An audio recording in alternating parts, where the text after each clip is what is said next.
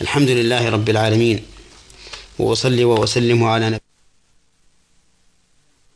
نبينا محمد خاتم النبيين وإمام المتقين وعلى آله وأصحابه ومن تبعهم بإحسان إلى يوم الدين. أما بعد أيها الإخوة المستمعون فهذه هي الحلقة الثالثة والتسعون من برنامج من أحكام القرآن العظيم. نبدأها بقوله تعالى أم تريدون أن تسألوا رسولكم كما سئل موسى من قبل؟ ومن يتبدل الكفر بالإيمان فقد ضل سواء السبيل. الخطاب في قوله أم تريدون لهذه الأمة لأصحاب النبي صلى الله عليه وسلم والمراد برسولهم محمد صلى الله عليه وسلم. يقول الله عز وجل أتريدون؟ أن تسألوا النبي صلى الله عليه وسلم آيات تقترحونها كما سئل موسى من قبل فقيل له أرنا الله جهرة وهذا الاستفهام للإنكار عليهم. يعني لا تسألوا الآيات وتقترحونها وتقترحوها كما فعل ذلك من قبلكم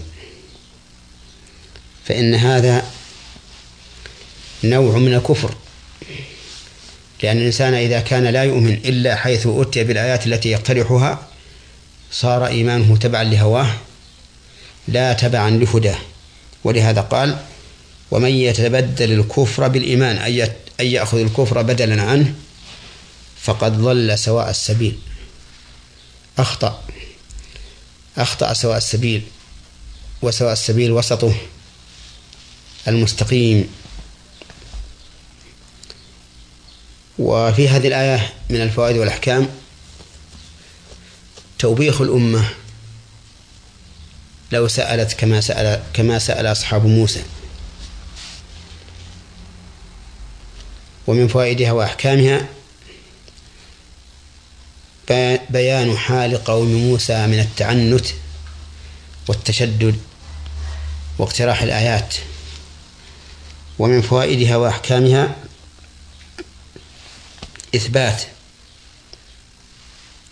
أن موسى عليه الصلاة والسلام رسول ومن فوائدها وأحكامها بيان أن موسى عليه الصلاة والسلام قد أوذي من قبل وأن إيذاء الرسل عليهم عليهم الصلاة والسلام من ديدان أو من ديدن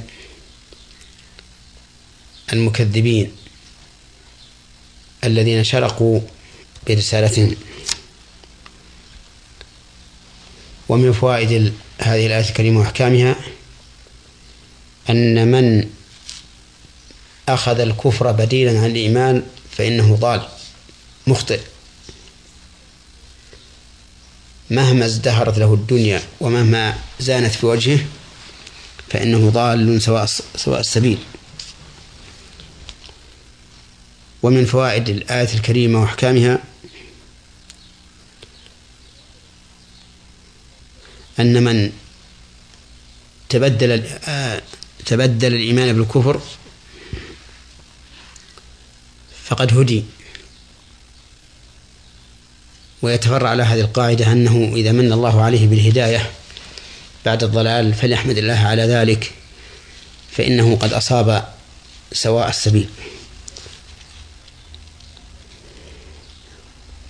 ومن فوائد هذه الآية الكريمة وأحكامها أن جميع الكفار قد أخطأوا سواء السبيل ووقعوا في السبيل المعوج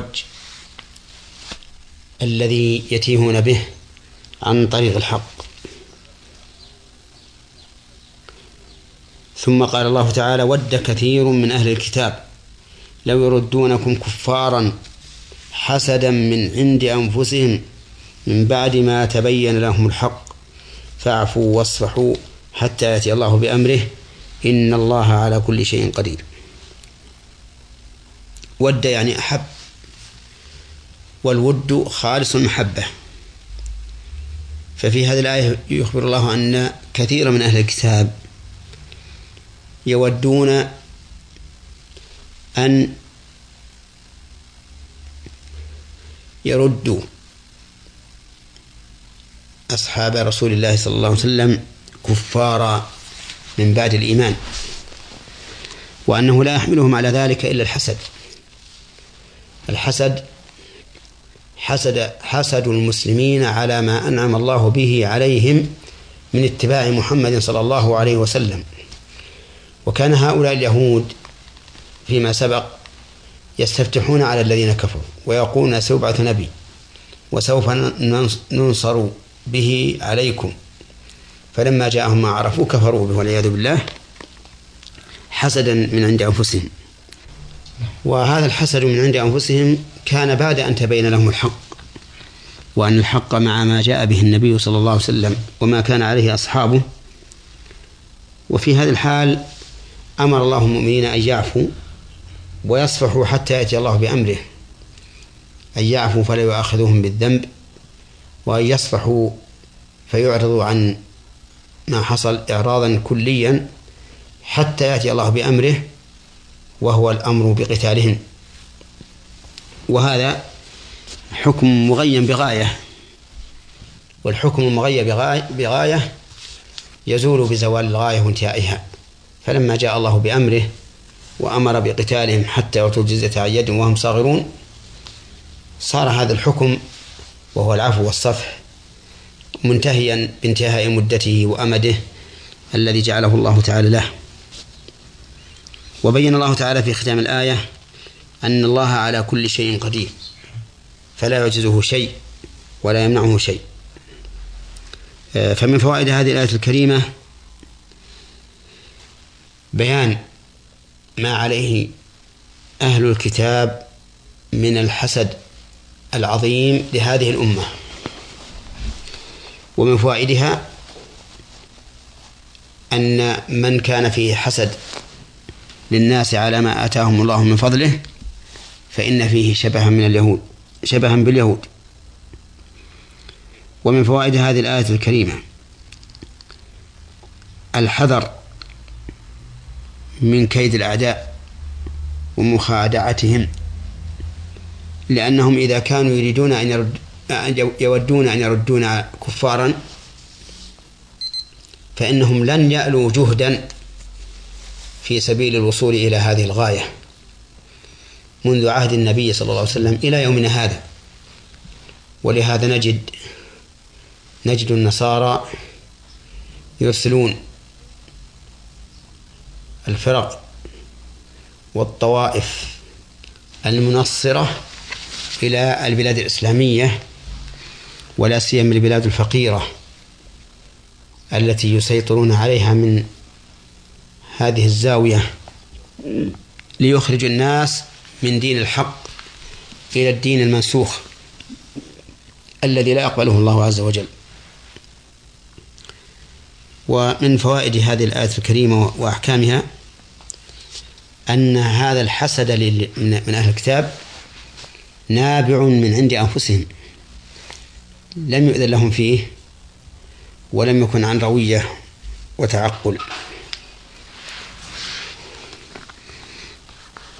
ومن فوائد هذه الآية الكريمة الحذر من محبة الكفر للمسلمين وكذلك يجب الحذر من محبة المعاصي أن تنتشر بين المسلمين.